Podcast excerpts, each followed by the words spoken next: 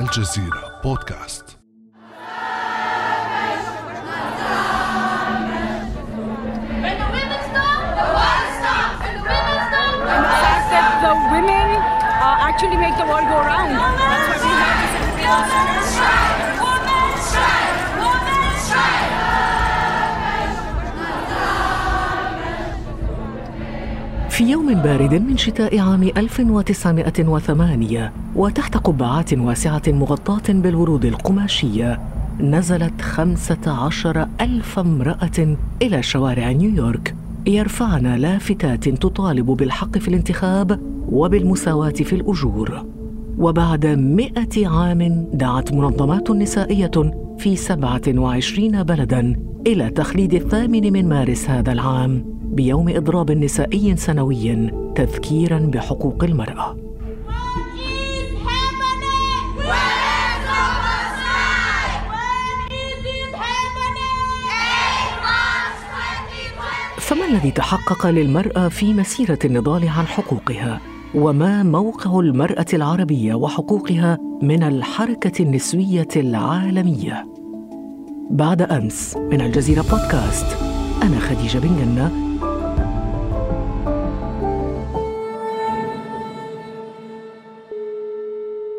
وضيفتنا اليوم الناشطة الحقوقية الأردنية إيفا أبو حلاوة. أهلا وسهلا بك إيفا وكل عام وأنت بخير. أهلا أستاذة خديجة وأنت بألف خير.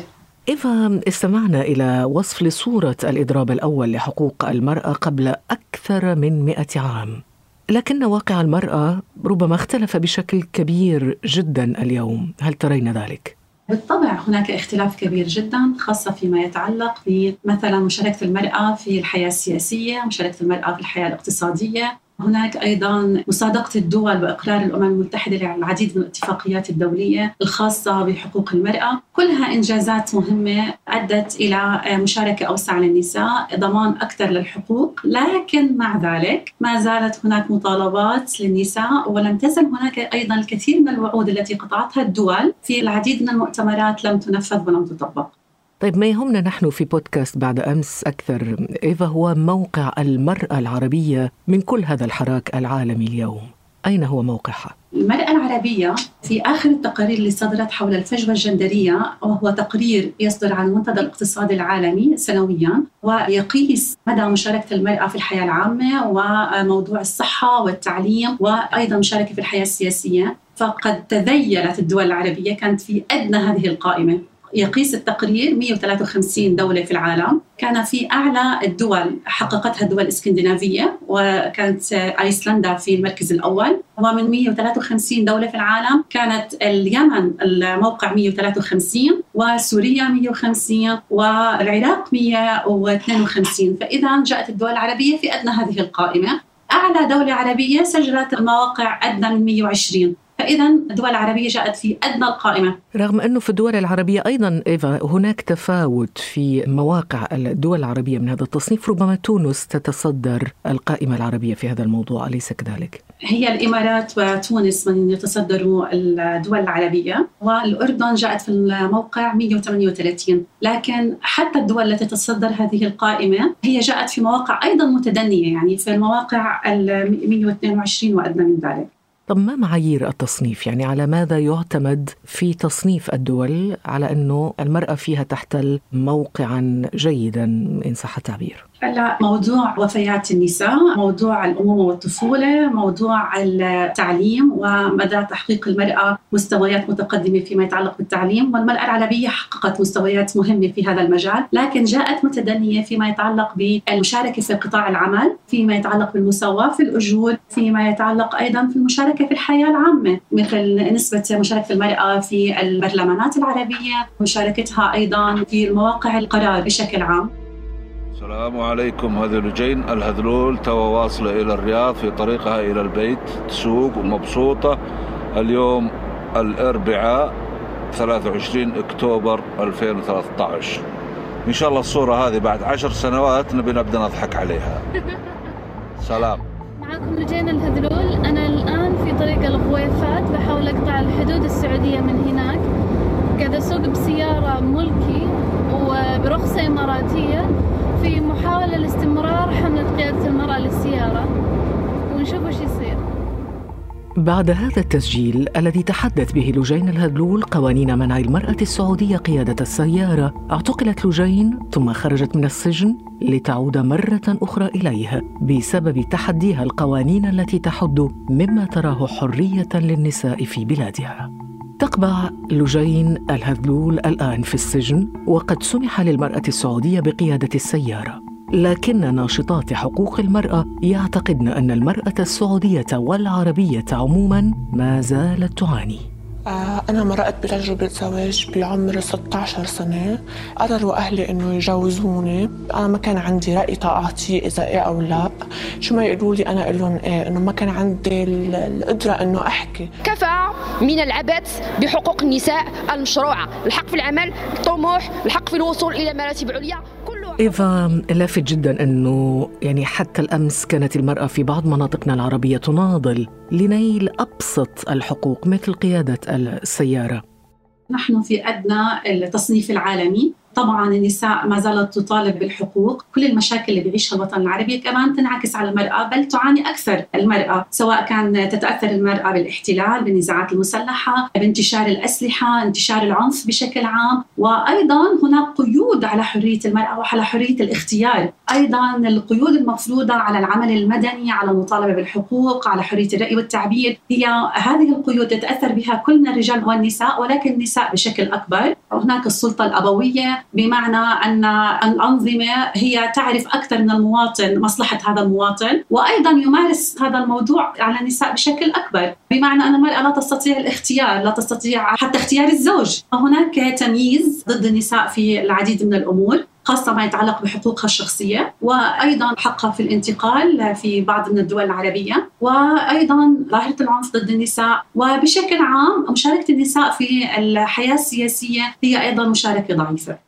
هل لك أن تعطينا أمثلة إيفا خصوصا أنك محامية ويعني خبرتي هذه التجارب لنساء ربما أو فتيات تعرضن لما تحدثت عنه من زواج قاصرات جرائم الشرف العنف ضد المرأة التعليم الحرمان من ممارسة الحقوق السياسية وغير ذلك.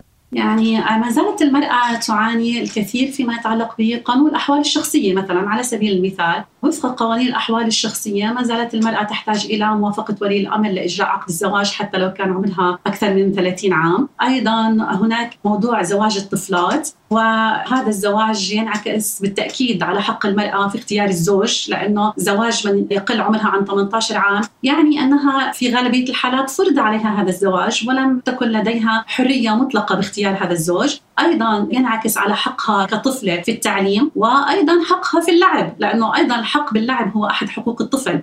أيضا يمارس موضوع العنف ضد النساء سواء العنف النفسي وأيضا العنف الجسدي. ما زال ممارسة موجودة في العديد من الدول وما زال هناك أعداد من النساء تقتل في العديد من الدول العربية. وليس بعيدا عن ذاكرتنا. قصة المرأة التي فقأ زوجها عينيها في الأردن. الأردن. طبعا التي فقأ عينيها في الأردن. أيضا هناك حالات قتل النساء في سواء في الأردن في فلسطين في لبنان في مصر. ما زالت ظواهر موجودة. ظاهرة التحرش الجنسي. التحرش الجنسي موجودة وهي أحد معيقات عمل المرأة. النساء وفق التقارير الدولية والتقارير الوطنية تشير بأنها استطاعت الوصول إلى أعلى درجات التحصيل العلمي. لكن هي تنسحب من سوق العمل فمثلا بالأردن نسبة مشاركة المرأة في قطاع العمل لا تزيد عن 14% ونحن نعتقد أنه سبب الانسحاب العمل هو له علاقة مباشرة في موضوع التحرش الجنسي. على سبيل المثال حتى في مصر هذه الظاهرة موجودة بشكل واسع وفي العديد من الدول العربية. لكن المشكلة بأنه هذه الظواهر وهذه الانتهاكات ضد النساء النساء لا يقابلها عمل جدي من قبل الحكومات بل على العكس عندما تطالب النساء بحقوقهن مثلا هناك تخويف للحركات النسائية والحركات الحقوقية في بعض الدول يتم احتجاز هؤلاء النساء اللواتي تطالب بحقوقهن أو يتم الهجوم عليهن من حيث إنه هذا الخطاب الغربي هذا الأجندات الأجنبية هذا التمويل الأجنبي يتم الهجوم على الحركات النسوية ولكن لا يتم الدفاع عنهن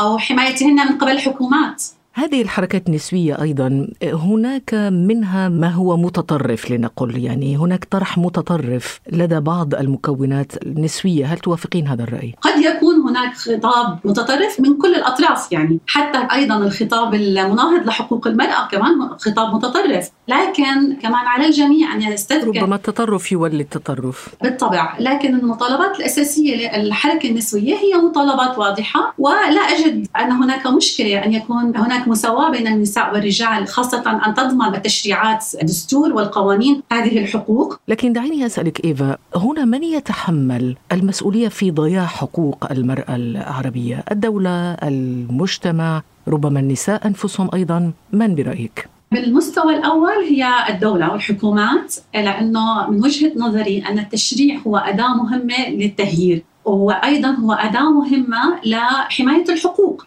لو كان القانون يحمي حق المرأة وتستطيع اللجوء إلى المحاكم بهذه الحالة ممكن المرأة أن تطالب بهذه الحقوق. فبالدرجة الأولى هي مسؤولية الدولة والحكومات. طبعا بالدرجة الثانية هي مسؤولية المجتمع الذي أيضا يحارب كل ما يتعلق بمفاهيم المساواة. طيب في الموضوع السياسي إيفا هناك حراك سياسي اليوم في العالم العربي وخرجت المرأة إلى الساحات العامة متجاوزة المطالب الخاصة بالنساء إلى رفض الاستبداد السياسي والمطالبة بالديمقراطية والعدالة الاجتماعية.